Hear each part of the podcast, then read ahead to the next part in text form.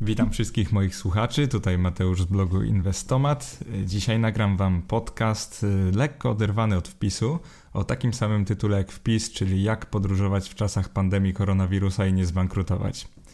Oczywiście jest to temat bardzo modny, wszyscy o tym rozmawiają, wszyscy się tego boją i każdy chciałby o tym troszkę poczytać i posłuchać. Y, moja historia jest troszkę odmienna. Nie będę dzisiaj raczej dużo mówił o gospodarce, nie będę mówił tak dużo o inwestowaniu. Ten wpis tak naprawdę podciągnąłem pod kategorię oszczędzanie, żebyście jakoś mi wybaczyli, y, gdyż częścią tego wpisu będzie też mówienie, jak nie zbankrutować na takim podróżowaniu w czasach kryzysu, w czasach, kiedy linie lotnicze odwołują loty, hotele odwołują rezerwacje i tak. Także spokojnie, nie zmieniam się w blog podróżniczy, dalej będę pisał o oszczędzaniu, inwestowaniu i gospodarce. Y, zaczynamy. Ten podcast podzielę na trzy części. Pierwszą częścią będzie to, jaki planowaliśmy urlop, jak długi miał być, gdzie mieliśmy jechać, lecieć, co mieliśmy zobaczyć. Drugą częścią będzie, jak wyszło naprawdę, czyli jak życie zweryfikowało nasze plany. A trzecią częścią będzie, jakie wnioski z tego wyciągnęliśmy, bo mówię tutaj o sobie i swojej narzeczonej, nie tylko o sobie co można zrobić lepiej na przyszłość, e, gdzie były jakieś nasze błędy, niedociągnięcia i tak dalej. Więc to będzie trzecia część. Jeżeli już teraz zastanawiacie się, jaki szaleniec leci na wakacje 5 marca, wiedząc, że we Włoszech już szaleje epidemia koronawirusa, może jeszcze nie jest to pandemia. E, we wszystkich krajach w Polsce oficjalnie, jeżeli dobrze pamiętam, nie było wtedy żadnych zarażonych, przynajmniej oficjalnie. E, powiem Wam tylko tak, że bardzo potrzebowałem wakacji i byłem e, świadom, że będę mógł mieć problemy z powrotem, ale mimo wszystko postanowiłem na nie lecieć, jechać. Więc zrobiłem to bardzo świadomie, więc zanim jeszcze pomyślicie, równie dobrze mogłeś tego nie robić, po co lecieć w takich warunkach, to powiem, e, powiem Ci szczerze, że po prostu potrzebowałem wakacji i nawet patrząc na to, jak wyszło, nie żałuję, bo przynajmniej mam ciekawą historię do opowiedzenia. Jeżeli chodzi o kategorię oszczędzanie, no cóż, nie oszczędziłem tak naprawdę na tym całym wyjeździe. Jak na końcu usłyszysz, y, jestem troszkę pieniędzy do tyłu, mogło być o wiele gorzej, więc i tak się cieszę, że załatwiliśmy to tak sprawnie.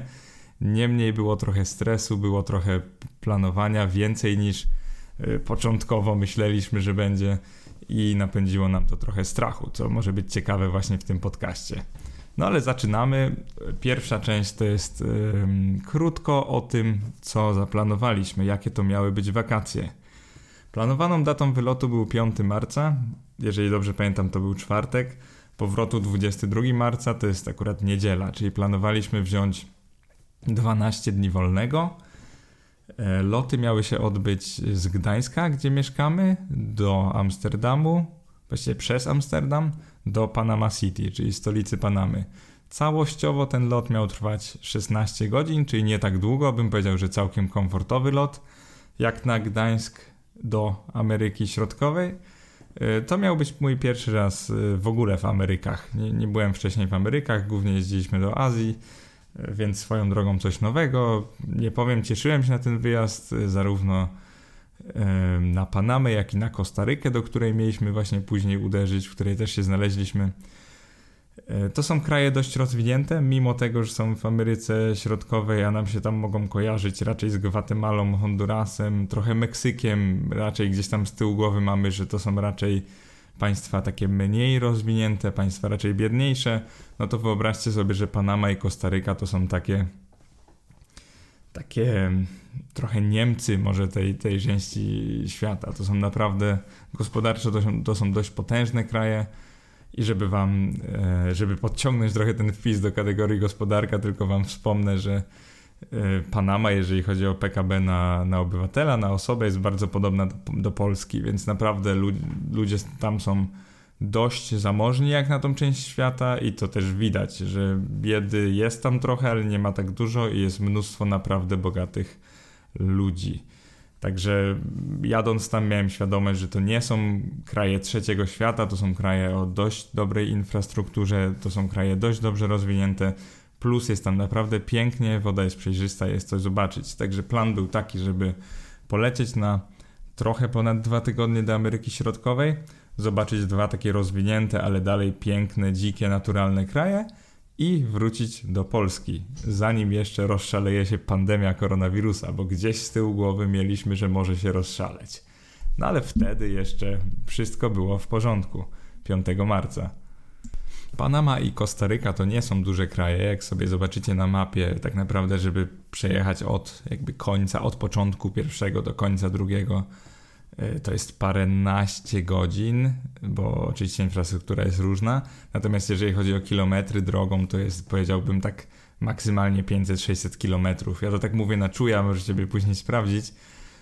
W linii prostej na mapie to w ogóle było chyba 300 czy 400 kilometrów. Także wyobraźcie sobie, że to nie są kraje ogromne, są na tyle dobrze rozwinięte, że mają drogi takie bardziej jak autostrady, naprawdę niezłe, byłem aż trochę zdziwiony. Więc stwierdziliśmy, że te dwa tygodnie to jest wystarczająco, żeby zwiedzić obydwa e, kraje. Mieliśmy taką powiedzmy pół rację, bo to nam się w pewnym sensie udało. Jak podróżujemy, to nie jest to żadne mm, planowane podróżowanie, nie mamy żadnych hoteli all inclusive planujemy noclegi na bieżąco. W tym momencie tylko zaplanowaliśmy sobie, że będziemy w siedmiu różnych miejscach. Mam na myśli miastach lub y, miasteczkach pod jakimiś tam atrakcjami turystycznymi. Średnio wychodziłoby nam dwa dni w każdym miejscu, więc taki trochę e, island hopping na początku, czyli po takich pięknych wysepkach, później raczej od miasta do miasta, e, różne tam lasy, góry itp. itd.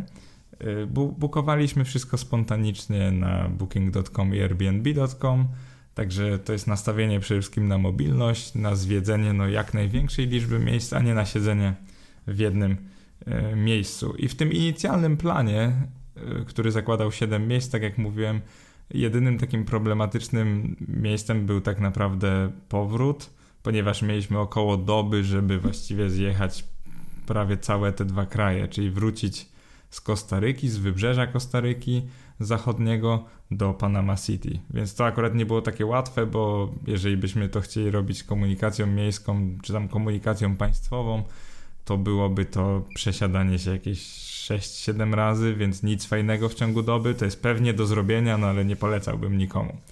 Niemniej ten plan ramowy nie był jakiś strasznie złożony.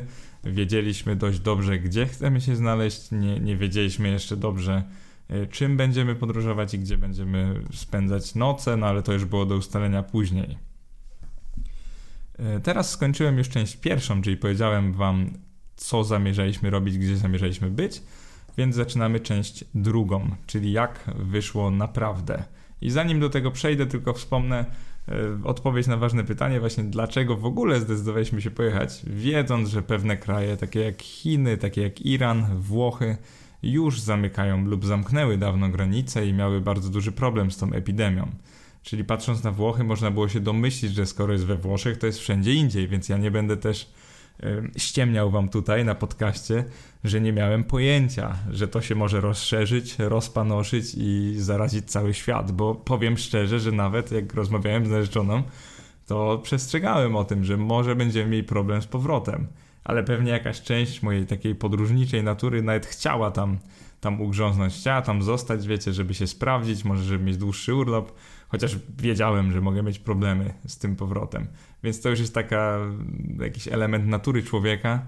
Ciężko to wytłumaczyć, ale na pewno gdybym cenił bezpieczeństwo wyżej niż wolność, to podchodziłbym do sprawy inaczej i jednak wolałbym taki lot spróbować przynajmniej dostać za niego zwrot, bo no to nie było takie bezpieczne latanie i to nie była sytuacja, w której byłem pewien, że będziemy mogli wrócić tą samą trasą i bezpośrednio do Gdańska.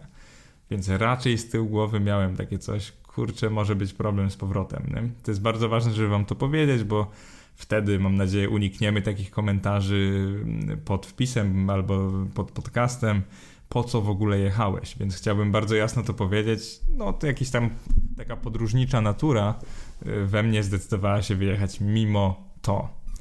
Jeżeli chodzi o tą sprawę e, finansową, jeszcze Wam troszkę powiem, to e, upewniłem się, czy KLM może nam oddać za bilety. KLM odpisał e, w kilku kanałach, że niestety nie odda nam za bilety, bo jeszcze koronawirus nie jest pandemią, więc mieliśmy o, o tyle pecha, że e, w tamtym momencie jeszcze nie dało się skasować tych biletów. Nawet jeżeli byśmy chcieli, to przy kasowaniu traciło się wszystkie środki, więc nic fajnego.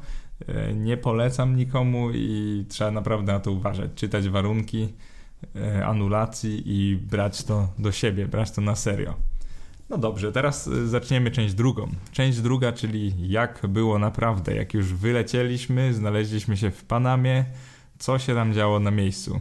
I to nie jest blog podróżniczy, więc nie będę wam mówił o tej części przewidywalnej, o tym, co się działo, jak jeszcze świat był normalny, że tak powiem. E, zaczniemy od razu od piątku 13 marca, czyli powiem wam o tych anomaliach, o tym, co się działo z granicami i o tym, jak to wyglądało z naszej perspektywy. W piątek 13 marca było już tydzień po naszym wylocie, także jak się domyślacie, już nie byliśmy w Panamie, tylko w Kostaryce. Byliśmy akurat na wybrzeżu Kostaryki. Pomyślcie sobie, że się opalaliśmy, było fajnie, oglądaliśmy dzikie zwierzęta. Y, Szopa Pracza przykładowo widzieliśmy, także ogólnie bardzo polecam ten kraj. Wyobraźcie sobie, że jesteście w Kostaryce, podróżujecie sobie spokojnie i nagle dochodzi do Was informacja, że premier Waszego kraju, w naszym przypadku to był Mateusz Morawiecki, ogłosił, że od 14 marca, i to dosłownie było, pamiętam, że tam zostało do tego 14 marca parę godzin, zamknięte zostaną granice kraju dla obcokrajowców. I teraz poczytałem troszkę o tym. Oczywiście, no, przestraszyłem się, to brzmiało dziwnie. Natomiast powiedział o tym, że zamknięte zostają granice powietrzne dla wszystkich lotów komercyjnych. I to jest zabieg. Za, chciałbym zacząć od tego, że to jest zabieg dość ekstremalny, że jak później yy, będziecie słuchać reszty podcastu, zobaczycie, że prawie żaden kraj nie wprowadził czegoś takiego. I oczywiście wielu z Was może być koronawirusem przestraszonym. To jest pandemia, którą powinno się wziąć na serio, i ja nie mówię, że nie. Natomiast zauważcie, że mało który kraj podszedł do sprawy aż tak serio. No i pytanie oczywiście, jak bardzo e, to później wpłynie na tą kontaminację wirusa, jak bardzo to się rozszerzy. Być może to była dobra decyzja.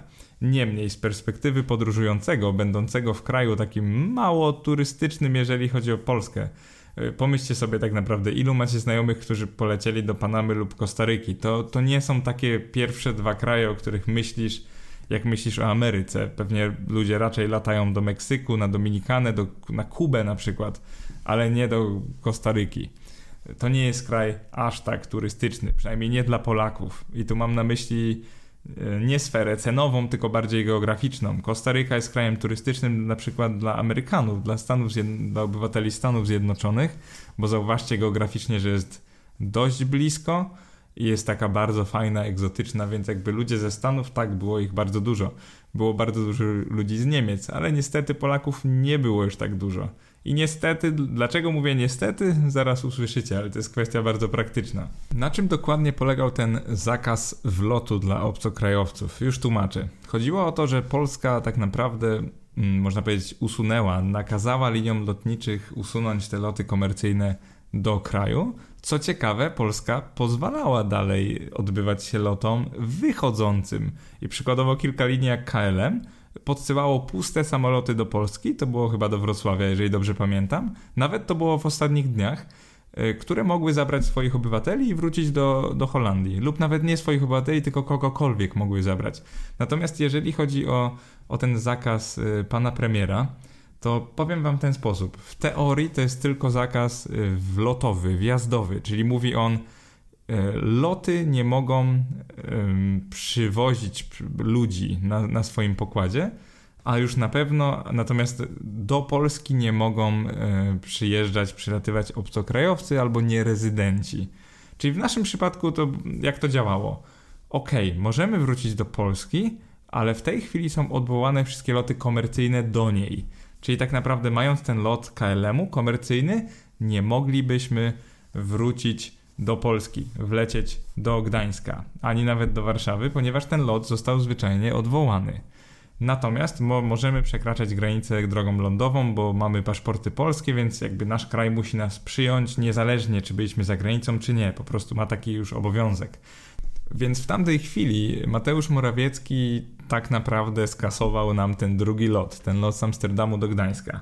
I w perspektywie zostało nam jeszcze 9 dni urlopu, bo to był 13, e, swoją drogą piątek 13, e, a urlop mieliśmy kończyć 22, także to jest 9 dni, ponad tydzień. E, już wtedy wiedzieliśmy, że ten drugi lot się nie odbędzie. Co ciekawe, KLM oficjalnie tego nie powiedział, bo nawet premier tam wspominał chyba o 10 dniach, więc to nie było takie jasne, jak długo potrwa taki zakaz. Natomiast gdzieś z tyłu głowy mieliśmy już, no dobrze, będzie problem, żeby wlecieć do Polski, ale jakoś sobie poradzimy. E, druga rzecz, która się wydarzyła w ten piątek nieszczęsny, to jest orędzie Donalda Trumpa. On to ogłosił już parę dni wcześniej, natomiast do, do nas to doszło właśnie dopiero w piątek 13. I to była decyzja o tym, że Ameryka, znaczy Stany Zjednoczone Ameryki Północnej, zamykają granice dla obcokrajowców, czyli ograniczają ten ruch um, też wlotowy, e, którzy byli w Europie w ciągu 14 ostatnich dni. Tam oczywiście nie jest tylko Europa, to, był, to była Europa, e, Chiny i Iran, czyli wszystkie te kraje takie już bardziej zakażone tym wirusem. E, ten zakaz oczywiście miał na celu ograniczenie wlotów dla takich ludzi, żeby ten wirus się nie rozprzestrzeniał aż tak szybko. Oczywiście, jak już teraz wiemy, to może nie był najlepszy sposób. E, I nie chodzi tutaj tylko o te liczby, które są w Stanach, ale o to, że po prostu ludzie i tak się zarażą na pokładzie, więc jak obywatele Stanów wjadą, wlecą na to lotnisko, to tak naprawdę nie ma dużej różnicy, e, czy ci Europejczycy też mogą wlecieć, czy nie, bo mniej więcej wychodzi na jedno, tak? Ludzie z wirusem już tam są. I co się okazało jakby dla nas? Z jednej strony nasz kraj zamknął granicę, nie mogliśmy do niego wlecieć, z drugiej strony doszły nas słuchy, że przesiadka w Stanach może być niemożliwa. A jak sobie na Skyscannerze na przykład zobaczycie, może nie teraz, ale za parę miesięcy, jak już wszystko wróci do normy, miejmy nadzieję, to loty z Panamy i z Kostaryki zwykle są przez Stany do Europy. Czyli tak naprawdę straciliśmy 90% opcji, bo już nie mogliśmy polecieć do Europy przez Stany. Czyli już mieliśmy w głowie, dobrze, będziemy lecieć raczej do Europy, może do Niemiec, może do Holandii, do jakiegoś innego kraju i przekroczymy później granicą lądową przekroczymy granicę lądową, żeby wjechać do naszego kraju. Z drugiej strony wiedzieliśmy, że 90% opcji, czyli nawet taka głupia przesiadka na lotnisku w Stanach, już tak naprawdę nie jest dla nas możliwością. I to było 9 dni do końca urlopu. Y, co zrobiliśmy? W tamtej chwili jeszcze nic, liczyliśmy na KLM. Jak zaraz się dowiecie, może trochę głupio liczyliśmy, czyli że nam prze, przebukują coś, że po prostu ta y, lot z Panamy się odbędzie, a ta druga noga będzie trochę inna, czyli na przykład do Niemiec, powiedzmy, skąd wjedziemy do Polski. Także nie było tragedii. E, pomyślcie sobie, że jeszcze się za bardzo nie stresowaliśmy, to było za wcześnie, ale to był taki pierwszy ważny event. Jedziemy dalej, dwa dni później, niedziela 15 marca. Do końca wyjazdu został dokładnie tydzień, bo mieliśmy właśnie wyjeżdżać tam 22. Panama zamyka granice dla obcokrajowców i odwołuje loty międzykontynentalne. Byliśmy wtedy na Kostaryce, już raczej tam północ Kostaryki, ta część taka dalej od Panamy, kilkaset kilometrów. E, czyli żeby dojechać nawet do Panamy, byśmy potrzebowali no dobrych paru godzin. Powiedziałbym, że może nawet tak 8-9 godzin. E, lub jeśli nie 12, żeby dojechać do Panamy, a do stolicy Panamy to bardziej 20 godzin. Jesteście w kraju, który graniczy z Panamą, a Panama zamyka granice. Wszystkie dla obcokrajowców. Nie możecie do Panamy wlecieć i wyjść na lotnisku do miasta, nie możecie do Panamy wjechać. Natomiast wasz bilet jest z Panamy. Jednocześnie bilet powrotny do Europy.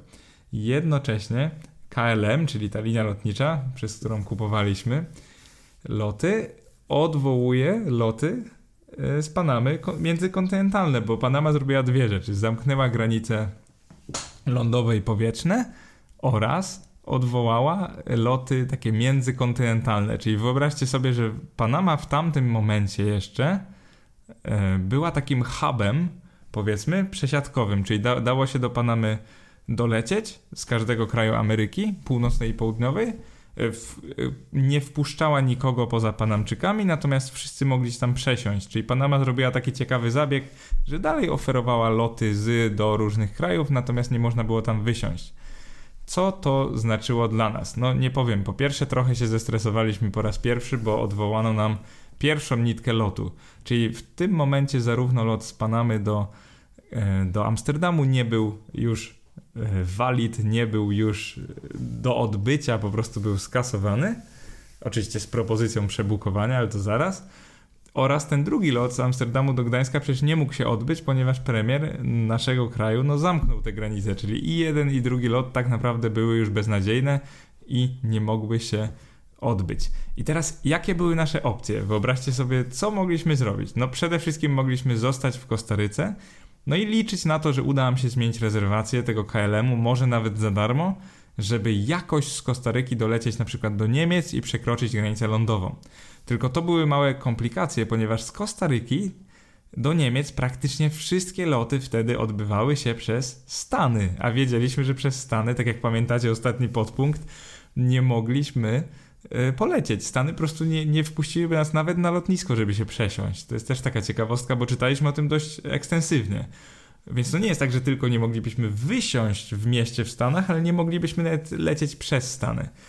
E, jedną opcją był charter z Kostaryki. Takie chartery do Niemiec kosztowały od 15 tysięcy złotych na osobę wzwyż. Czyli na tyle dużo, że po prostu jak sobie to dobrze policzyliśmy, to równie dobrze moglibyśmy miesiąc mieszkać w Kostaryce, wziąć nawet urlop bezpłatny, taki usprawiedliwiony i po prostu nie lecieć takim lotem. Więc w pewnym sensie mogliśmy po prostu zostać w Kostaryce. To była opcja pierwsza. Opcja druga to była podróż lądowa do Nikaragui, y, co jest takim planem troszkę szalonym, bo okej, okay, Nikaragua jest zaraz obok, nie zamknęła wtedy granic, tam na północ od Kostaryki leży ten kraj, tylko jest krajem o dużo mniejszym stopniu poziomie rozwinięcia ciężko było powiedzieć, jak oni przeżyją tą, no powiedzmy, katastrofę, pandemię, jak to już do nich dojdzie, bo oczywiście oficjalnie wtedy nie mieli żadnych zakażeń. Nie mieli, bo nie badali, więc to jest prawie jak każdy kraj. Natomiast połączeń lotniczych z tamtego kraju jest jak na lekarstwo do Europy zwłaszcza. Więc ta podróż do Nikaragui to było takie, no, nie było w tym dużej logiki. Trzecią opcją było po prostu liczyć na program Lot do domu, o którym jeszcze dużo nie mówiłem. Pewnie o nim słyszeliście. Założę się, że każdy o nim słyszał. To jest ten program lotu, gdzie lot odwołał wszystkie swoje normalne loty, puszcza puste samoloty do różnych krajów, po prostu wlatuje pustymi samolotami, oczywiście z obsługą, e, do różnych krajów i zgarnia jedynie obywateli Polski, i przylat którzy przylatują później do Warszawy.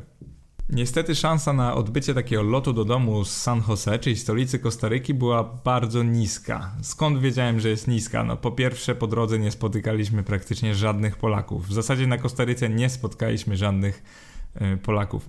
Moja narzeczona przez jakąś grupę na Facebooku skontaktowała się y, z, chyba z parą osób, które faktycznie były na Kostaryce, no ale niemniej to była tylko para i na tej grupie więcej ludzi się nie wypowiadało, więc okej, okay, było nas czworo, ale czworo to jest trochę za mało, żeby puścić lot czarterowy. Potrzebowalibyśmy bliżej 300 osób niż czterech.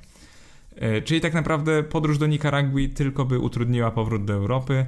E, druga, czyli pozostanie w Kostaryce i takie obserwowanie lotów była dość sensowna. Niestety przez KLM nie mogliśmy wtedy przebukować nic, ponieważ próbowaliśmy dzwonić 30 do 40 razy, nikt nie podnosił słuchawki. Wyobraźcie sobie, że w tamtym czasie linie lotnicze, żeby się z nimi skontaktować, to był zwyczajnie koszmar. I teraz w tej sprawie opcji trzeciej, czyli liczenie na lot do domu, skontaktowałem się zarówno z lotem, jak i z konsulem e, RP w Panamie, konsulem RP honorowym na Kostaryce. Niestety w Kostaryce nie ma konsulatu takiego, wiecie, stacjonarnego, więc jest tylko konsul honorowy. E, również kontaktowałem się z konsulatem RP w Meksyku, pod który podlega Kostaryka, to też znalazłem w internecie. I co ciekawe, kontaktowałem się też z konsulatem Niemiec, bo widziałem, że Niemcy jakoś lepiej to ogarniają, że szybciej ich obywateli wysyłają do kraju. I miałem nadzieję, że może nam pomoże kraj sąsiedni, bo jak już nie swój, to chociaż sąsiedni. Czekaliśmy na odpowiedzi konsulatów, śledziliśmy rozwój wydarzeń, ale powiem Wam szczerze, że to był ten moment taki pivotalny. To był moment, w którym nasz świat, można powiedzieć, się skończył. I teraz o czym mówię? Niedziela 15, Panama zamknęła granicę, no nie możemy do niej wrócić. Nie ma może jeszcze tragedii, prawda? Bo możemy jakoś wrócić z Kostaryki.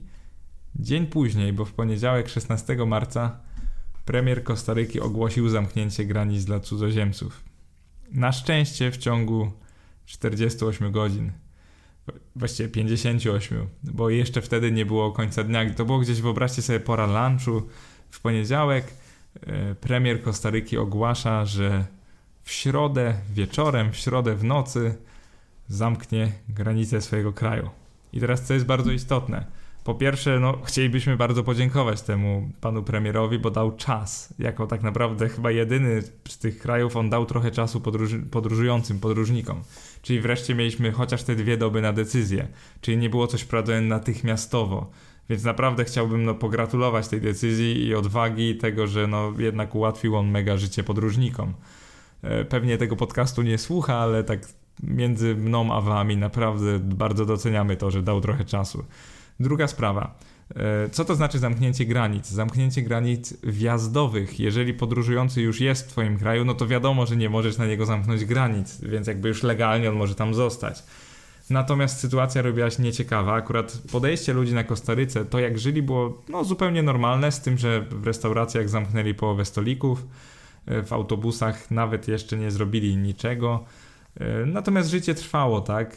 Jako turyści mieliśmy co robić. Tak naprawdę było całkiem fajnie, jeżeli chodzi o te activities.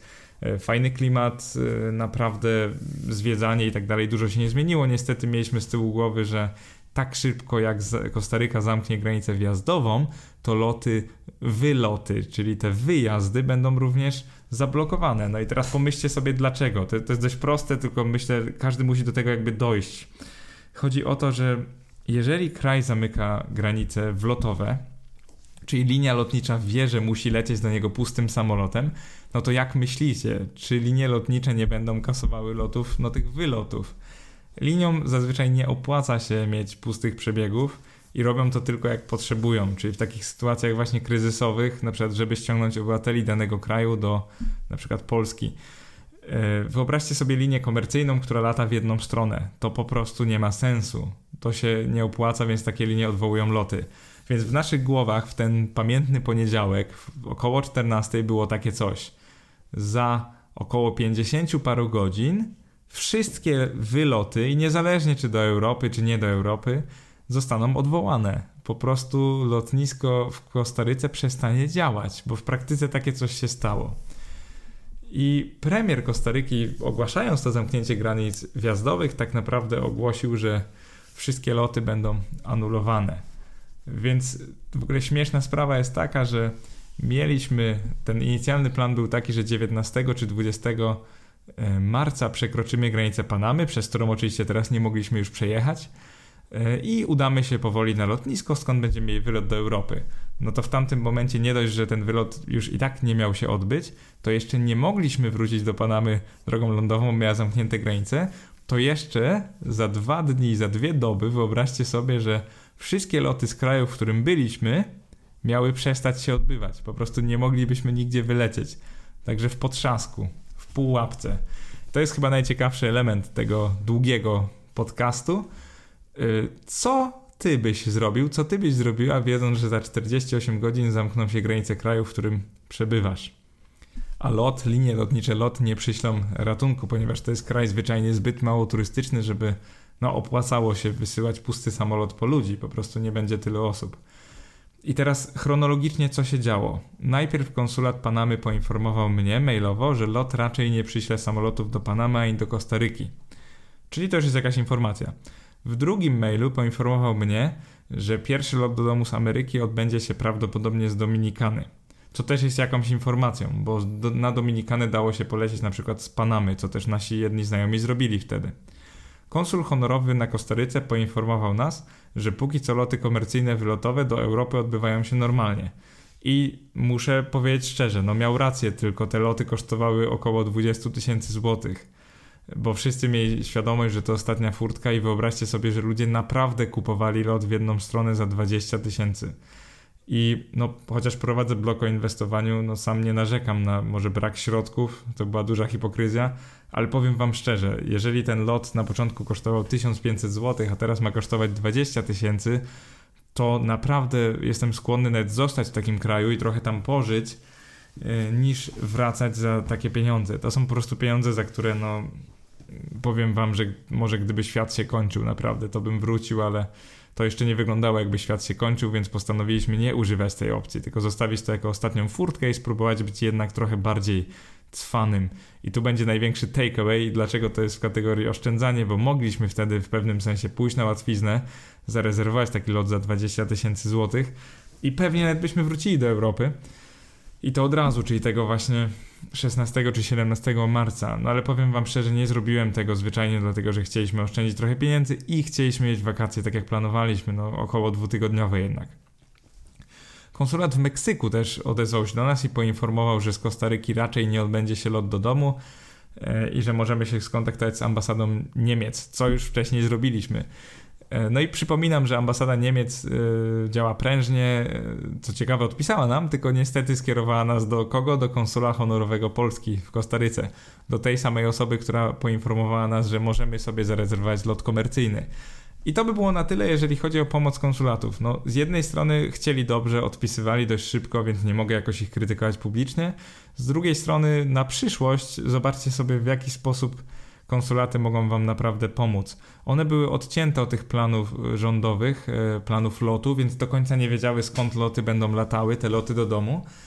E, więc w tamtej chwili tak naprawdę byliśmy zdani na siebie tak naprawdę zawsze jesteście zdani na siebie, tak między nami, tylko w tamtej chwili boleśnie życie nam to przypomniało. I to jest taki główny takeaway tego wszystkiego.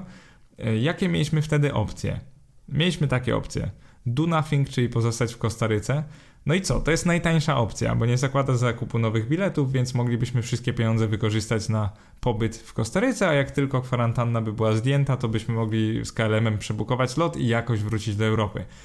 Problem z tą opcją jest mniej więcej taki. Po pierwsze, nie wiemy, jak długo potrwa pandemia, więc prawdopodobnie stracilibyśmy pracę. Nic fajnego, bo przecież lubimy nasze prace, chcemy pracować, więc chcielibyśmy wrócić do Polski. Druga sprawa, Kostaryka jest droga do życia. Jest droższa niż Polska i to dużo droższa. Więc jak mamy sobie wyobrazić bycie w kwarantannie w drogim kraju i jeszcze stracić pracę, no nic fajnego. Mimo pozorów normalności, Kostaryka też by się zamknęła, sklepy i restauracje powoli się zamykały. Tak się przynajmniej domyślamy. Wtedy było jeszcze jakby dużo lepiej niż w Polsce. Żadnym dekretem nikt nie zamknął tych sklepów, ale powiem wam, że byliśmy pewni, że się w końcu zamkną. No i tak jak powiedziałem, byśmy stracili raczej pracę, no bo zresztą nie dziwię się pracodawcy, mieliśmy jakąś opcję powrotu, więc no dlaczego mielibyśmy zostać? Powrót był drogi i trudny, ale dało się to zrobić, więc zupełnie było nieprofesjonalnym zostawać tam na miejscu. Drugą opcją to był ten zakup drogiego biletu z Kostaryki do Niemiec. To jest potencjalnie najszybszy powrót do kraju. Wydajesz 20 tysięcy złotych i znajdujesz się na przykład w Monachium po 13 godzinach. Tylko chciałbym Wam powiedzieć jedną rzecz. E, to są koszta przekraczające dwu albo nawet trzymiesięczny pobyt w Kostaryce i to dla dwóch osób. E, plus nie macie żadnej gwarancji, że linie nie odwołają tych lotów, czyli równie dobrze mogłyby je odwołać, byśmy stracili pieniądze, no bo co komu po voucherze na 20 tysięcy, który możesz wykorzystać przez rok. No raczej nie będziesz tyle latał, plus teraz w tych czasach koronawirusa to może być zwyczajnie niemożliwe. E, no i wakacje by nam się skróciły, a chcieliśmy mieć jednak dwa tygodnie, a nie półtora, więc te, ta opcja od razu odpadła. E, dalej, liczenie na lot do domu z Kostaryki. To potencjalnie byłby najbardziej bezpośredni powrót, bez przesiadek. E, cenowo nie tak źle, 2400 zł, e, tyle kosztują te loty i to jest 80% mniej ponad niż ta opcja e, komercyjna, żeby lecieć do Niemiec, więc jakby nie patrzeć nie jest źle. Niestety nie mielibyśmy żadnej gwarancji, że taki lot się odbędzie i sprawdzając stronę lot do domu jeszcze dzisiaj, czyli jak to nagrywam 27 marca, takiego lotu nie było i raczej nie będzie. Więc może dobrze, że nie wybraliśmy tej opcji. Opcją czwartą, czyli opcją, którą wybraliśmy wreszcie, była ucieczka do Meksyku, który jeszcze nie zamknął granic. No i jak zwykle Meksyk, Coco Jumbo, chaos. Yy, znowu dziękujemy Meksykowi za to, że nie zamknął granic, za to, że zostawił je otwarte, bo mieliśmy możliwość bardzo łatwego przelotu do Meksyku. No, bardzo łatwego, to może o tym zaraz, bo on nie był taki łatwy, ale był dość tani. Tylko 1000 zł, żeby znaleźć się natychmiastowo w Meksyku. E, możliwości powrotu zarówno z KLM, jak i z lotem, ponieważ jest tam dużo więcej polskich turystów. E, Meksyk jest tanim krajem i to znacznie tańszym niż Kostaryka, trzykrotnie tańszym bym powiedział, więc jeżeli mamy gdzieś utknąć, to lepiej utknąć w Meksyku. Oczywiście nie jeżeli chodzi o, be o bezpieczeństwo, natomiast jeżeli chodzi o koszta życia, no to na pewno lepiej utknąć tam. Jeżeli chodzi o lot do Meksyku, minusem było to, że lot był przez Panama City i w Panamie pamiętajcie, że nie mogliśmy wyjść z lotniska. Więc na co się zdecydowaliśmy? E, sam zakup lotu do Meksyku był bardzo skomplikowany, chciałbym o tym wspomnieć. Najpierw mieliśmy lot taką linią Volaris za 1800 zł, bilety kupowane przez Opodo. Ten lot niestety się nie odbył, znaczy nie udało nam się go zarezerwować z jakiegoś powodu. E, pieniędzy jeszcze nie mam do teraz, ale Opodo obiecuje, że mi je zwróci, więc no czekam, mam po prostu zablokowane na karcie kredytowej. Druga próba była troszkę bardziej udana, czyli zarezerwowaliśmy lot liniami Copa Airlines e, San Jose, Kostaryka przez Panama City w Panamie do Cancun w Meksyku. E, to było w środę 18 marca, czyli to jest na parę godzin przed tym zamknięciem granic, wyobraźcie sobie. Mieliśmy lecieć około 15, w Meksyku byśmy byli około 22. Pomyśleliśmy sobie, dlaczego nie, może wredna przesiadka, ale przecież w parę godzin będziemy w Meksyku, a z Meksyku to już jakoś przedostaniemy się do Europy. No a przy okazji może zobaczymy Meksyk. Not bad. I teraz wyobraźcie sobie, kupiliśmy ten bilet. Jeżeli dobrze pamiętam, to był poniedziałek wieczorem, czyli jeszcze 16. E, we wtorek 17 marca rano dostaję maila, że lot został odwołany po hiszpańsku cancelado. No, co zrobić? Bez podania przyczyny. Byliśmy wtedy naprawdę załamani, nie wiedzieliśmy co zrobić, jak takie dzieci we mgle. To był po prostu pech. Odwołali akurat nasz lot, natomiast wszystkie inne loty do Panama City tego dnia miały się odbyć, czyli we środę. Co zrobiliśmy? Kupiliśmy kartę SIM za 50 zł, za równowartość 50 zł i po prostu dzwoniliśmy pół dnia do Copa Airlines. Pierwszy telefon wykonałem ja po angielsku, czekałem na połączenie 46 minut na głośno mówiącym w takiej knajpie, także wyobraźcie sobie, że to była sytuacja komiczna. E, konsultant poinformował mnie, że we środę 18 marca już loty nie będą się odbywać, także przeprosił mnie i powiedział, że jak już koronawirus przejdzie, to może wtedy dostaniemy voucher na Copa Airlines, czyli będziemy mogli sobie z panami gdzieś polecieć. No, świetnie, bardzo dziękuję. Nie rozwiązał mojego problemu, więc poprosiłem narzeczoną, która gada biegle po hiszpańsku, za co oczywiście super, no super, nie? Bardzo się przydało, bardzo dziękuję, że zadzwoniła, o kontakt z infolinią w języku hiszpańskim. To było tak, że wyobraźcie sobie, że byliśmy załamani, e, był już wtedy wtorek wieczór, czyli tak naprawdę do zamknięcia granic 24 godziny. Próbowałem dodzwonić na infolinię 10 razy, nikt nie odbierał. To było bardzo frustrujące, ale za 11 razem dozwoniłem się. E, rozmowa mojej narzeczonej z konsultantem trwała ponad godzinę, to było naprawdę szalone, e, ale tym razem konsultant w swoim języku natywnym powiedział, że da się ten lot zmienić, że da się polecieć jeszcze dnia jutrzejszego przez Panamę do Meksyku. No i ostatecznie ten lot, który zaplanowaliśmy, nie był jakiś optymalny, bo zakładał nocowanie na lotnisku w Panamie, z którego nie mogliśmy wysiąść. Więc ostatecznie odbyło się to w ten sposób, że około godziny 17 z San Jose w Kostaryce polecieliśmy do Panama City, skąd nie mogliśmy wysiąść na lotnisku, więc wyobraźcie sobie parę godzin oglądania seriali, a później spanie na lotniskowej ziemi, no bo niestety nie było hoteli lotniskowych też, więc po prostu musieliśmy spać na ziemi, tak jak wszyscy inni. E, sytuacja była groteskowa, e, na lotnisku nas kontrolowali, e, robili zdjęcia naszych paszportów, chcieli się upewnić, że nie skłotujemy tam permanentnie, E, powiem wam, że patrząc na wsparcie gastronomiczne na lotnisku w Panama City, to nie chcielibyśmy tam ugrzęznąć. Oczywiście brak pryszniców i tak dalej, więc nie było to miejsce, na którym chcielibyśmy zamieszkać, tak jak w filmie Terminal. Więc całe szczęście następnego dnia, czyli już w ten czwartek 19 marca e, odbył się nasz lot do Meksyku, był trochę opóźniony, około 8 rano polecieliśmy tam, około 11 byliśmy na miejscu w Cancun w Meksyku, czyli bardzo turystycznym mieście. E, co ciekawe, nie było żadnych problemów z imigracją, czyli po prostu wlecieliśmy do Meksyku, można powiedzieć, jak do siebie, zbadali nam temperaturę. Jeżeli dobrze pamiętam, chociaż może nawet nie, mm, po prostu wlecieliśmy do Meksyku, tak jak to był, był nasz rodzimy kraj. Nikt nie robił nam problemów. Wyszliśmy na lotnisku, było bardzo turystycznie, tłumy ludzi, także widać Meksyk nie wziął na serio tej epidemii, co też wskazuje na to, że być może będą mieli zaraz problem pokroju tego z Włoch albo Ameryki, no czego im nie życzę, bo naprawdę świetnie było tam się wtedy znaleźć, bo życie trwało normalnie, więc to było bardzo takie leczące doświadczenie dla ludzi już traumatyzowanych tym powrotem.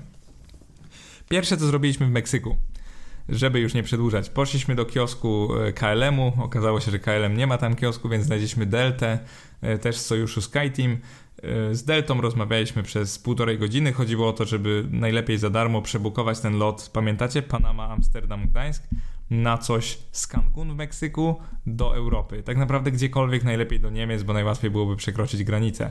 Staliśmy z tym konsultantem prawie półtorej godziny, wyobraźcie sobie. On tylko klikał w komputerze, w zasadzie nic innego nie robił i ostatecznie zaoferował nam lot Cancun, Meksyk. Meksyk to jest to miasto, stolica Meksyku.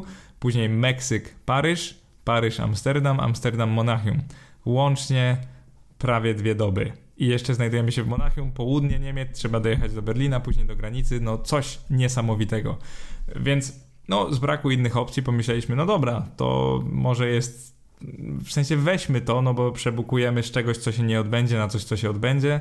Lot ten miał się odbyć w niedzielę 22, czyli prawie tak, jak mieliśmy lecieć e, inicjalnie. E, pamiętajcie, wtedy był czwartek, czyli mieliśmy w głowach, no dobra, jest duże ryzyko, że coś się nie odbędzie. Mieliśmy jeszcze 3, waka- 3 dni wakacji w Meksyku, no niecałe 3 dni właściwie, bliżej dwóch dni ale mieliśmy takie podejście, dobrze, może nawet coś zdążymy zobaczyć w Meksyku i jakoś wrócimy do Europy. Czyli bardzo podziękowaliśmy panu konsultantowi. Zrobiła się nagle godzina 15, byliśmy cholernie zmęczeni. E, na szybko zarezerwowałem coś na bookingu, taki apartament e, dla nas w centrum Cancun i po prostu pojechaliśmy tam już autobusem i taksówką, żeby jak najszybciej znaleźć się tam i się, wiecie, wyspać, odpocząć, e, wreszcie troszkę odetchnąć. E, to był dość dobry moment, bo mieliśmy zaplanowany powrót, natomiast ten powrót to były cztery loty, z którego każdy mógł się wysypać. Spytacie, dlaczego ten lot był Cancun, Meksyk, Paryż, Amsterdam, Monachium? E, Niemcy niestety wtedy zamknęły wloty e, z Paryża. Nie dało się z Francji polecieć do Monachium. Dało się tylko z Amsterdamu, więc naprawdę totalnie pokitrane. Tam była jedna noc na, lotnisku w Amsterdamie, gdzie akurat moglibyśmy wysiąść i sobie przespać w hotelu. Niemniej strasznie pokitrany lot i bardzo wysoka szansa, że ten lot by się nie odbył, bo wyobraźcie sobie cztery nitki, cztery loty w takich ryzykownych czasach. No szansa, że coś usuną albo zmienią godziny jest po prostu ogromna.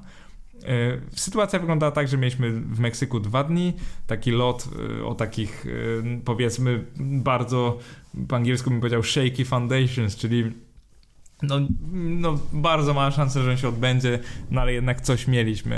I teraz co się stało? No w Meksyku prze, przenocowaliśmy, chcieliśmy później Chichen Itza, czyli ten cud świata, zobaczyć te takie piramidy Majów. Wszystko fajnie, jedziemy na te piramidy, nagle informuje nas taki pan, że policja zablokowała wlot i mimo, że miały być otwarte, już są zamknięte, czyli jednak koronawirus w Meksyku już odniósł jakieś tam małe żniwo, zamykają e, te zabytki.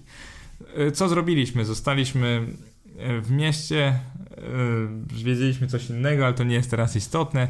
Poszliśmy do kawiarni i z tej kawiarni odświeżyłem stronę lot do domu. I teraz ważna informacja dla Was. Już 14 marca, czyli jak wystartował program Lot do domu, zarejestrowałem nas z Panama City z San Jose, a parę dni później też z Cancun z Meksyku, czyli tak jakby przewidzieliśmy to, że być może będziemy musieli wrócić przez Meksyk. Także byłem na lot do domu zarejestrowany. Jak sobie zobaczycie we wpisie, akurat zostawiłem taki screenshot, ponieważ y, lot może później usunąć tę stronę, więc chciałbym, żeby ta historia już została. To jest screenshot, na którym lot yy, zobowiązał się, że jeżeli ktoś się zapisze na taką lokalizację, której jeszcze nie ma w liście rejsów, to lot yy, poinformuje przed rejsem o tym, że on się odbywa. Jeżeli chodzi o tę informację, podejrzewam, że informował nas drogą niestety telefoniczną. Odebranie tam telefonu kosztuje 8 zł na minutę, plus nie wiedziałem, czy to jest numer lotu, więc po prostu zignorowałem ten telefon. Byłem prawie pewien, że poinformują nas mailowo, czego nie zrobili. E, ambasady też nie wysłały wtedy maili, więc jakby powiem Wam szczerze, że no to nie było najlepsze doświadczenie. Co, co zobaczyłem na tej liście? Zobaczyłem takie coś. 24.03.2020 to jest wtorek, e, lot z Cancun, w nawiasie sprzedaż zakończona. Czyli zobaczyłem w tym momencie, że tak, odbędzie się lot z Cancun, ale niestety bilety są już wyprzedane, czyli już wszyscy Polacy kupili bilety. No i po prostu nie da się wbić na ten lot. Powiem Wam szczerze, że byłem trochę zdruzgotany, zwłaszcza, że lot obiecywał, że będzie informował o tych lotach. No nie poczuliśmy się wystarczająco poinformowani. Być może ten telefon był od lotu. Może powinienem to sprawdzić, no ale nawet jeśli powiem Wam szczerze, spodziewałem się, że maile też będą wysyłać, to nie jest takie trudne. Nawet, nawet jak w takich chaotycznych czasach, no da się przecież wysłać automatyzowany mail e, do ludzi na pewnej liście, że lot jest planowany. Więc e, co zrobiliśmy? Mimo to, i tu wychodzi moja natura, że po prostu nie poddaję się za szybko, mimo to postanowiłem takie bilety kupić. Czyli mimo tego, że na liście było napisane sprzedaż zakończona, spróbowałem je wtedy z Meksyku zakupić. I co ciekawe, jak wszedłem do systemu rezerwacji lotu, e, taki lot był dostępny. Czyli najśmieszniej, że zostały jeszcze trzy miejsca, czyli inna informacja była w systemie, inna była na stronie. Udało mi się kupić taki lot. E, lot był na dwa dni później. E, kosztował 2400 zł, czyli to jest to maksimum, które rząd powiedział, że będą kosztować te loty, a później tam rząd dopłaca wszystko więcej. I teraz chciałbym tu się na chwilę zatrzymać, bo ważne pytanie brzmi: skoro mieliśmy już ten darmowy lot, taki bardzo skomplikowany KLM-u do Europy przez Paryż, i Monachium, dlaczego w ogóle zarezerwowałem lot do domu? I to jest dość proste. Po pierwsze, dlatego, że on się na pewno odbędzie, bo jest gwarantowany przez tam rząd polski, więc na pewno wrócimy. Po drugie, dlatego, że to jest lot 13-godzinny, akurat on był przez Varadero na Kubie, międzylądowanie, no ale i tak trwał 13 godzin, czyli wyobraźcie sobie 13 godzin jesteście w Warszawie. Plus lot obiecywał, że podstawi autobusy, pociągi z samej Warszawy, żeby dostać się do swojego miasta, do swojego miejsca zamieszkania. Jeżeli chodzi o te ceny, ważna sprawa. 2400 zł wobec 20 tysięcy to nie jest tak dużo, to jest dość dużo dla kogoś, kto się nie nastawia na wydanie czegokolwiek. Tu bym chciał trochę dać taki pstryczek w nos lotowi, ponieważ yy, na stronie lotu i też premier ogłosił, że to jest takie ratowanie Polaków i to kosztuje tylko 2400, a resztę dopłaca rząd. I tu bym chciał troszkę challenge'ować te koszta z bardzo prostego powodu, ponieważ nawet w tamtym czasie odbywały się loty do Europy z Cancun w Meksyku, takie komercyjne, które kosztowały za tą jedną stronę od 1200 do 1500 zł. I teraz co ja chcę powiedzieć? To były loty, które nie przylatywały puste, czyli one przywoziły ludzi do Meksyku, ale też brały ludzi z Meksyku na przykład do Paryża i można było wtedy je kupić za e, powiedzmy 1200 zł. Więc takie mówienie, że ten lot do domu za 2400 to jest taki mocno współfinansowany przez państwo, to jest zwyczajne kłamstwo, ponieważ on jest głównie finansowany przez człowieka, który wydaje te 2400, być może paręset złotych faktycznie dopłaca państwo, ale powiem wam szczerze, że wątpię, ponieważ jeżeli leci pusty samolot w jedną stronę, to są oczywiście koszty paliwa, e, natomiast obsługa wtedy nic nie robi, tylko siedzi na miejscach, natomiast później ten lot powrotny kosztuje. E, z jednej strony jestem wdzięczny lotowi, także nie chciałbym zwalać na nich i jakby jestem bardzo wdzięczny, że nas odebrali. Cieszę się, że to było zorganizowane i nie jestem jakimś takim prykiem, który tutaj marudzi na cenę. Cieszę się, że to się odbyło, bo jednak jestem teraz w Polsce, jak wam to nagrywam. Natomiast e, jeżeli chodzi o polityków, budowanie kapitału politycznego na tym, że lot do domu był za 2400, a reszta jest dopłacana przez państwo, to jest po prostu bzdura, ponieważ jeżeli lot, wszystkie inne swoje loty usunął, to oczywiście te opłaty są całkiem na miejscu. Wiadomo, nic nie jest za darmo, więc ja rozumiem, że trzeba za to zapłacić. Natomiast nie chciałbym, żeby partia rządząca budowała kapitał polityczny na tym, że oni ratują Polaków, ponieważ te loty są po cenach takich całkiem komercyjnych. No i przypominam, kto zamknął granice dla lotów komercyjnych, dla wszystkich lotów? No ta sama osoba, która teraz buduje kapitał polityczny na tym, że ratuje Polaków, którzy ugrzęźli za granicą. Z jednej strony jestem wdzięczny obsłudze, pilotom, e, firmie LOT, tak naprawdę dziękujemy. Z drugiej strony bardzo mi się nie podoba proceder, jak się robi z bohaterów, y, z polityków, którzy wysyłają takie loty, jak to są ci sami politycy, którzy zamknęli na nas swoje granice. I zauważcie, że Niemcy, Francja, Hiszpania, mimo takiej sytuacji z tym wirusem jakby nieciekawej, nie zamknęły w ten sposób granic na swoich obywateli, czyli ich obywatele mogli ciągle przylecieć komercyjnym lotem do ich kraju. Więc jeszcze jednym powodem, dla którego w ogóle zarezerwowałem ten lot, było to, że mieliśmy jeszcze dodatkowe 3 dni wakacji w Meksyku. Czyli ostatecznie, żeby podsumować, mieliśmy około 6 dni w Panamie, później 6 dni na Kostaryce i później w Meksyku podobnie około też 6-7. E, I Meksyk był z tego najlepszy, bo nie ukrywam, że jak na już czasy takiej pandemii, już wtedy wszyscy świrowali z tym wirusem, to w Meksyku nic się nie działo. Wszystko działało normalnie ludzie się radowali i tak dalej. I teraz powie, powiemy sobie, czy to jest racjonalne, że wszystko się działo normalnie, to jest inna sprawa. Może nie jest, prawdopodobnie bardzo wtedy się pozarażali i prawdopodobnie będą mieli teraz tą wysoką śmiertelność w związku z wirusem, czyli bliżej 4% niż jednego. Więc no nic fajnego, no, niemniej dla podróżnika, który chciał wtedy normalnie żyć, to, to było naprawdę świetne. Zwłaszcza, że ten podróżnik teraz siedzi na, przy obowiązkowej kwarantannie domowej, ja to nazywam aresztem domowym. Ale naprawdę to było coś pięknego, że mogliśmy normalnie żyć. I jako, że ten blog nazywa się Inwestomat, to kończymy powoli, ale musimy trochę o pieniądzach porozmawiać, bo byście przecież mi zarzucili, że stałem się blogiem podróżniczym. Jak to nam wyszło w rozliczeniu? Jak się skończyło? Przede wszystkim wydaliśmy 1000 zł na dodatkowy lot Kostaryka-Meksyk wraz z przyjazdem z lotniska. To wyszło około 1000 zł. Później wydaliśmy 2400 zł na dodatkowy lot do domu z Cancun do Warszawy tu podkreślam, że akurat lot podstawiał te autobusy już darmowo, więc jakby później już wróciliśmy prawie z darmo. Tam Uber jeszcze kosztował 10 zł. Tak, wzięliśmy Ubera e, do domu e, w Sopocie. Co ciekawe, zrobiliśmy i tak dużo lepiej niż ludzie, którzy brali na przykład SKM-ki, tak, czyli te miejscowe pociągi. E, ponieważ wyobraźcie sobie tą logikę, że ma, macie być zamknięci na 14 dni w domach, bo przecież zarażacie potencjalnie, ale jedziecie transportem publicznym do domu, tak, z dworca, no dość śmieszne, więc my zrobiliśmy tak lepiej, poinformowaliśmy pana w Uberze, także mógł nas odrzucić. Wydaliśmy więc 1000, później 2400, później wydaliśmy 50 zł na jeszcze kostarykańską kartę SIM. Jakby nie patrzeć, byśmy jej nie kupowali, gdyby nie to załatwianie lotów, więc tam łącznie 3450. Teraz na plus jest to, że mamy niepotwierdzony voucher za niewykorzystany lot KLM-u Delty, więc 1600 zł nam się powinno zwrócić. Więc all in all, tak końcowo suma summarum, jesteśmy w plecy 1850 zł na osobę, ale z drugiej strony mieliśmy dodatkowe 3 dni urlopu.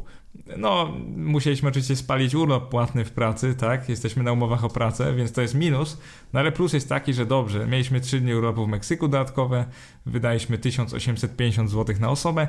To nie jest aż tak dużo i powiem wam szczerze, że wobec tych lotów do Niemiec, o których wam mówiłem, 20 tysięcy, żeby uciec y, z Kostaryki do Niemiec, to jest to całkiem duży sukces, że udało nam się za 1850 zł wrócić do domu. I teraz, co się dzieje w tej chwili, tak żeby podsumować.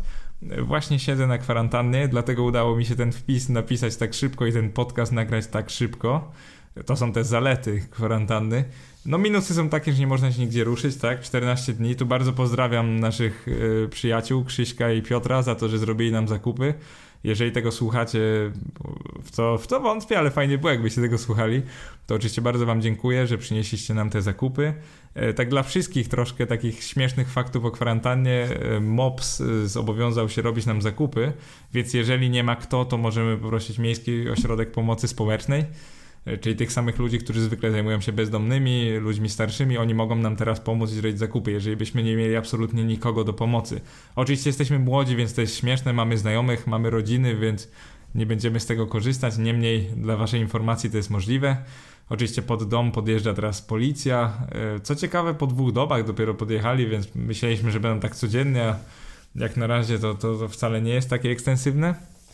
Sprawdzają, że jesteśmy w domu, bo E, przecież Polacy tak są niezdyscyplinowani i nie rozumieją, że są zagrożeni i zagrażają innym i będą wychodzić. Więc znowu jest takie podejście, że ja jestem dzieckiem w pieluszce, ja będę łamał zasady, do których się zobowiązuję, więc trzeba nałożyć na mnie potencjalną karę 30 tysięcy złotych i mnie po prostu zamknąć w tym domu, można powiedzieć, siłą.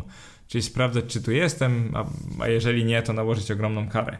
To jest coś, co oczywiście znacie mnie. Ja lubię wolność, ale też lubię, jak moje państwo traktuje mnie poważnie Uważam, że to nie jest do końca poważne traktowanie, więc wyobraźcie sobie, że miałem 3 tygodnie świetnych wakacji, a teraz 2 tygodnie jestem zamknięty w domu w sposób siłowy. Bo powiem wam szczerze, że ja rozumiem to, że mam zostać zamknięty, że szansa jest większa, że mam lub miałem tego wirusa. No i oczywiście to by znaczyło, że wychodząc z domu mogę teraz potencjalnie zabijać ludzi dosłownie.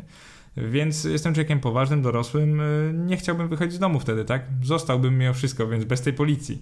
No ale rozumiem, Polaków trzeba sprawdzać, policja podjeżdża pod dom. E, obiecałem Wam na początku, że ten e, podcast będzie miał trzy części. E, trzecią częścią miało być to, że powiem Wam, jakie są wnioski, jakie są takie najśmieszniejsze może takeawaye. Do godziny tego podcastu zostało mi 7 minut. Przepraszam Was, że tak się rozmuchało, no ale takiej historii nie da się opowiedzieć w mniej niż godzinę. Nie da się tego zrobić dobrze, więc od razu przejdźmy do sedna. Najważniejsze wnioski, najważniejsze rzeczy, które chciałbym jakby z tego wyciągnąć, wynieść. Z jednej strony można powiedzieć, że na przyszłość, jeżeli jest sytuacja epidemii w jakimkolwiek kraju na świecie, to może nie jest rozsądne lecieć gdziekolwiek, tak? To jest taka rzecz, którą wszyscy możecie mi wytknąć i zgadzam się, faktycznie może lepiej byłoby nie wykorzystać tych biletów, nawet stracić te pieniądze i tam nie, nie polecieć. Natomiast jeżeli spytacie mnie, czy żałuję, że poleciałem, absolutnie nie. Czyli takeawayem jest to, że z każdej sytuacji człowiek może wybrnąć, można sobie poradzić, człowiek uczy się o sobie i o swoim partnerze, swojej partnerce bardzo dużo, więc to jest sytuacja, w której tak naprawdę warto się znaleźć. Życie jest wtedy o wiele ciekawsze. Oczywiście nie każdy z Was chciałby, żeby jego życie, jej życie było ciekawe w ten sposób, ja to rozumiem. Natomiast to, co chcę Wam powiedzieć, to to, że to nie jest jednoznacznie zła sytuacja. Człowiek się dużo uczy i naprawdę może warto czasami się znaleźć w takiej sytuacji. Więc jeżeli miałbym jeszcze raz planować, dalej bym tam pojechał, wiedząc to, co się, co się stanie ponieważ y, myślałem o tym, że może tak być, że mo możemy mieć problemy, żeby wrócić z Panamy. Najważniejszy takeaway jest taki, jak jesteście za granicą, jesteście zdani na siebie. Ambasady i konsulaty pomogą Wam w stopniu bardzo ograniczonym, bo takich ludzi jak Was jest bardzo dużo. Plus konsulat sam jest trochę odcięty od informacji, które są w kraju. Czyli taki ważny wniosek jest taki, że konsulaty nie wiedziały wszystkiego, co wiedział na przykład nasz premier albo firma LOT. I niestety to wcale nie było tak, że te konsulaty pomogły. One się starały, one odpisywały na moje maile i to dość szybko, także muszę im to oddać, ale niestety to nie jest tak, że ktoś wam pomoże i ktoś za was coś załatwi. Musicie sami myśleć, musicie szybko reagować i musicie mieć pieniądze. Gdybyśmy wtedy nie mieli tych dodatkowych pieniędzy, to powiedzcie szczerze, no jak mieliśmy wrócić? Mogliśmy liczyć na ten skomplikowany lot KLM-u, ale zaraz wam powiem kolejny takeaway. Kolejny punkt jest taki, że dobrze, że wzięliśmy lot do domu, bo dowiedzieliśmy się raptem dzień po tym zarezerwowaniu tego skomplikowanego lotu z czterema tymi odnogami, że e, we Francji tam się przesun przesunęły godziny wylotu i byśmy po prostu nie zdążyli na przesiadkę do Amsterdamu. Czyli byśmy wtedy ugrzęźli w Paryżu. W Paryżu, w którym było o wiele więcej zachorowań na tego wirusa i był wielki chaos i też nie moglibyśmy przekroczyć granic tam do Niemiec, później do Polski byśmy mogli, no ale nie mielibyśmy jak lecieć do Niemiec, bo nie jesteśmy obywatelami Niemiec, więc wyobraźcie sobie, że byłyby same problemy. To jest taki kolejny takeaway, że jak się pojawia w miarę tania i prostsza opcja, taka jak lot do domu, to, to bierzcie ją, tak? Nie, nie narzekajcie, tylko bierzcie tę opcję. E, trzeci podpunkt tutaj, ja to tak z głowy mówię, za co przepraszam. Trzeci podpunkt byłby taki, że nawet w takiej w obliczu takiej katastrofy, zagrożenia można mieć fajne, normalne wakacje, bo udały nam się dość dobrze. Meksyk był naprawdę świetny. Do Meksyku na pewno wrócę, wrócimy, bo jest to naprawdę świetne miejsce, więc powiem Wam szczerze, że kolejnym takeawayem jest to, że mimo wszystko można się dość dobrze bawić i nie zwariować.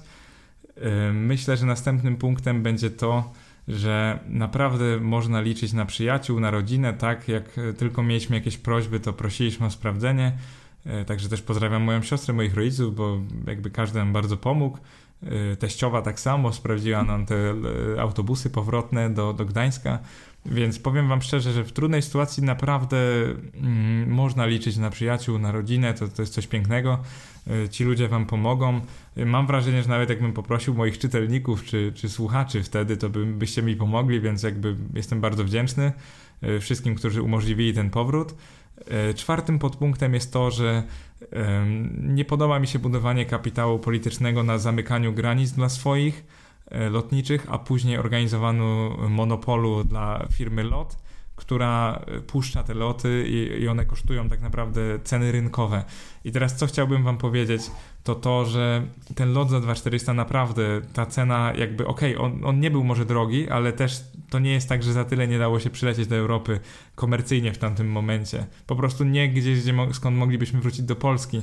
Ale to, co chcę wam po prostu przekazać jest takie, że to jest naprawdę bohaterstwo e, obsługi lotu i bardzo dziękuję pilotom i obsłudze, bo naprawdę robicie świetną robotę, no tam uratowaliście nas i, i, i nie mam do was jakby no ni, niczego, nie mam wam nic do zarzucenia, to bardzo mi się nie podoba, że buduje się kapitał polityczny na tym, że się ratuje Polaków w cudzysłowie, że wy, którzy zostaliście w Polsce, widzicie jakby oni nas, złych podróżników, którzy głupio zdecydowali się wylecieć, ratowali i jeszcze za pół darmo to, co chcę powiedzieć, to nie jest pół darmo. Ja prowadzę blog o oszczędzaniu i inwestowaniu i wiem doskonale, ile powinny skąd kosztować loty.